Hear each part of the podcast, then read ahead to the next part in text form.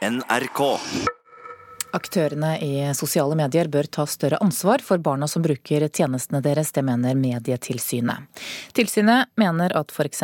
Snapchat og Instagram bør innføre løsninger som gjør at foreldre må samtykke dersom barn under 13 år bruker sosiale medier med 13-årsgrense. Tre av fire barn mellom 9 og 12 år bruker sosiale medier, selv om de altså ikke er gamle nok til disse som har 13-årsgrense. Det viser en undersøkelse gjort for Medietilsynet. Men bransjen nøler med tiltak. Jeg synes at sosiale medier er veldig gøy å bruke. Jeg angrer ikke på noen bilder jeg har tatt. Jeg heter Eva, og jeg var 11 år da jeg fikk Snapchat. Jeg heter Ella, og jeg var 11 år da jeg fikk Snapchat. Jeg heter Martin og har ikke Snapchat. Om du tar på filter, og så får du sånn oh, ja. stemme. De har fått lov å forlate timen i syvende klasse på Sagene skole for å snakke om sosiale medier. De to som har Snap, forteller at foreldrene ga dem tillatelse til å lage profil. Men da måtte du, du måtte lyge på alderen? Ja, vi måtte det. Men det som er at det er jo mange voksne som sier at 13-årsgrensen er et um, forslag eller noe som du kan gjøre. Det er mer sånn en advarsel for å prøve å vise deg at du må være forsiktig, men at det er lov å bryte den. Nye tall fra en undersøkelse gjort av Opinion på oppdrag fra Medietilsynet viser at tre av fire barn mellom 9 og 12 er på sosiale medier selv om aldersgrensa er 13 år. Direktør i Medietilsynet Mari Welsand mener bransjen må ta større ansvar for barna og innføre samtykkeløsninger for foreldre når barn lager profiler på disse appene. Og da mener vi at aktørene har ansvar for å kontrollere at barna er gamle nok, eller at eh, det er et gyldig samtykke. Og dessverre så mangler de fleste tjenester gode løsninger for det i dag. Når barnet har oppretta en profil på f.eks. Snapchat, som er absolutt størst blant de under 13 år, kan appen bruke det oppgitte navnet, telefonnummer og bilder fra appens bruker. Facebook og Instagram er medlem i IKT Norge, og direktør Torgeir Waterhouse sier foreldrene er i en vanskelig skvis. På den ene siden så har man regelverket og for den del lovverk som sier at her skal man være 13 år. På den andre siden så lever man da med det presset at alle andre er der, og hvis du ikke tillater ditt barn å være der, så kan det godt være at du bidrar til å holde ditt barn utenfor den sosiale relasjonen i nabolaget eller i klassen eller hvor det måtte være. Men Waterhouse mener at en ordning med foreldresamtykke ikke er veien å gå. Det er foreldrene, det er de rundt, som faktisk må gjøre disse vurderingene. Og hvis du som forelder hjelper barnet ditt å fremstå som å være over 13 for å bruke Snap, ja, da må du ta konsekvensene av det selv, for det er det valg du har tatt. En talsperson hos Snapchat skriver i en e-post til NRK at de stenger profiler der de oppdager at brukeren er under 13 år, og at de ikke har planer om å endre sine brukerinnstillinger, men at de er åpne for debatten om en bedre aldersverifisering som ikke går på bekostning av sikkerhet og personvern. Martin på tolv år sier han ser frem til å være på sosiale medier. Det er vel kanskje mest å bare snakke mer med vennene mine på fritiden gjennom Snapchat, da, på en måte. Og ja, sånne ting. Føler du deg utafor nå? Nei, det gjør jeg ikke. Reporter her, det var eh, Ingunn Mikkelsen. Direktør Bjørn Erik Thon i Datatilsynet, god morgen. God morgen. Tre av fire barn i alderen 9 til 12 år bruker altså sosiale medier, og Snapchat, som har 13-årsgrense, er aller mest populært. Hvordan ser dere på det? Eh, det er jo slik at eh, foreldrene kan samtykke til at barn er på sosiale medier når de er under 13 år. Eh, det kom et nytt regelverk fra EU som trådte i kraft nå i sommer. Der ble det innført en såkalt 13-årsgrense. Men det betyr at barn som er over 13 år skal få lov til å bestemme selv. Men det betyr ikke at de som er under 13 år ikke skal få lov til å være på sosiale medier. Men det betyr at foreldrene må gi sitt samtykke. Og det er altså sånn som loven er skrevet. Eh, men eh, i dag så stemmer jo ikke dette med realiteten, eh, og da får vi et problem. For som vi hørte på reportasjen her, sånn, så er det altså 80% av jenter og 75% av gutter, nei unnskyld, av alle barn mellom 9 og 12 år er på sosiale medier. Og det betyr også, som vi hørte, at flere av disse ungene, eller ungdommene, jeg er ikke helt sikker på hvor gamle de var, de må lyve på alderen, og de må liksom inngå en slags avtale med foreldrene sine. Og det er ikke nødvendigvis noe galt i at man inngår en avtale med foreldrene sine før man er 13 år, eh, men hele poenget er jo at det er foreldrene som på en måte skal verifisere, si ja, eh, også slik at det sosiale nettsamfunnet vet at her har vi med et yngre barn eh, å gjøre. Og det er det, i hvert fall så vidt vi har sett, bare noen ende få sosiale nettsamfunn som gjør. Mm. Aldersgrensen på 13 år eh, er jo satt av personvernhensyn. Hvorfor skal ikke barn under 13 år gi fra seg personopplysninger? Det er, her er det noen glidende overganger. De som er 18 år kan bestemme helt selv, og jo yngre man blir, jo mindre skal man få lov til å bestemme selv.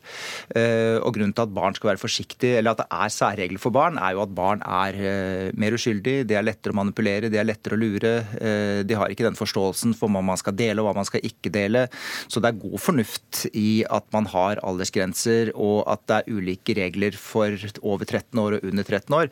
Det er jo, så vidt jeg vet, også noen land som opererer med høyere grenser enn det vi har her.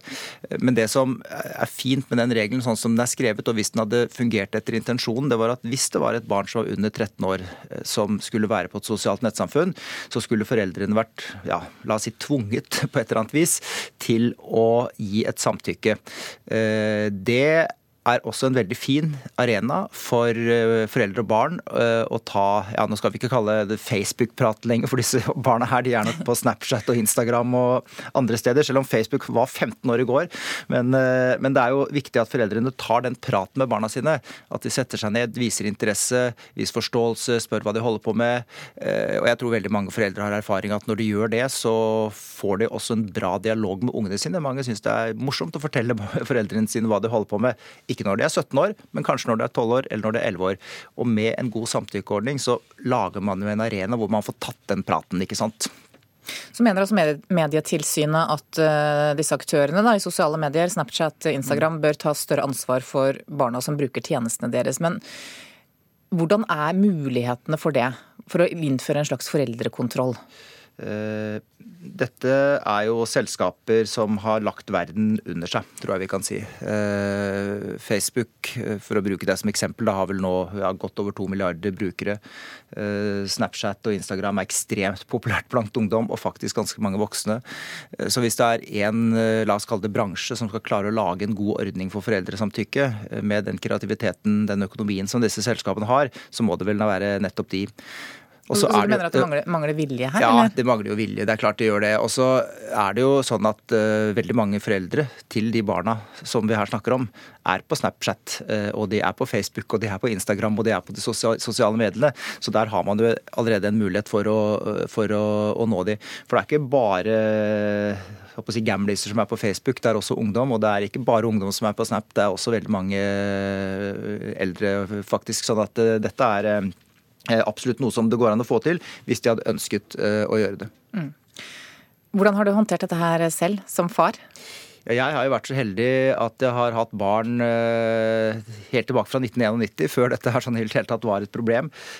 Men min yngste sønn han fikk Eh, vel gå på Det var vel Facebook som gjaldt den gangen, før han var eh, fylt 13 år. Men det året han fylte 13 år, det var et kompromiss. Eh, men jeg sto jo i akkurat den samme, eller vi sto i akkurat den samme situasjonen, med venner som var der, med ting som skjedde der.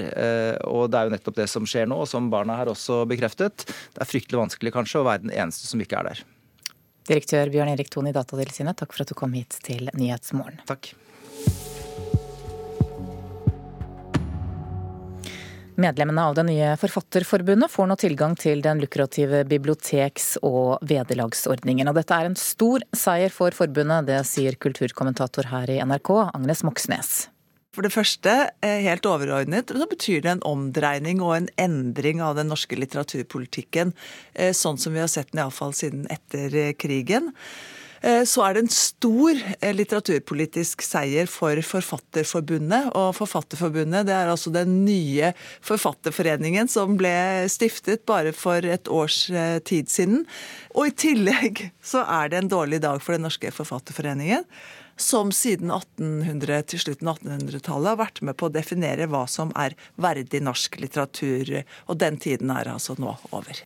Ja, Det sa kulturkommentator Agnes Moxnes.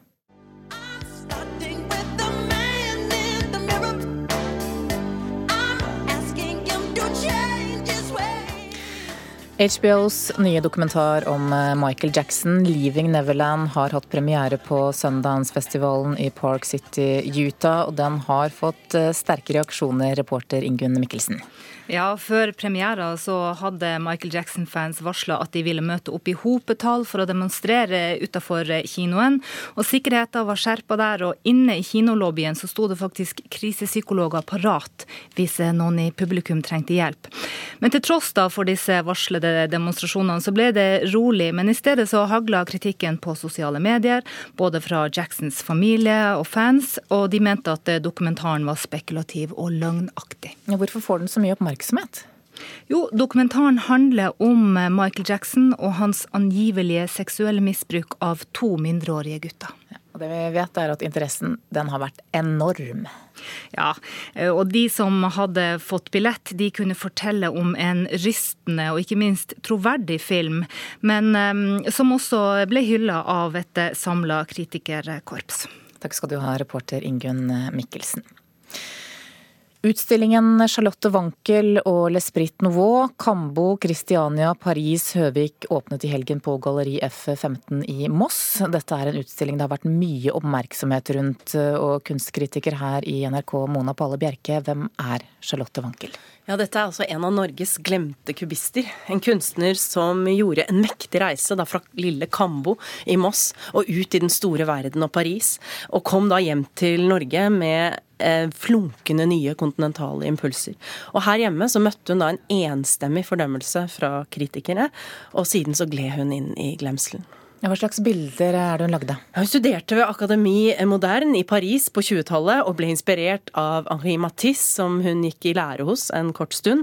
Og siden var det særlig Amédé aux Enfants og uh, Ferdinand Lecher og uh, Le Corbusier som uh, påvirket henne og hennes kunstneriske prosjekt. Og den sistnevnte da selvfølgelig som maler.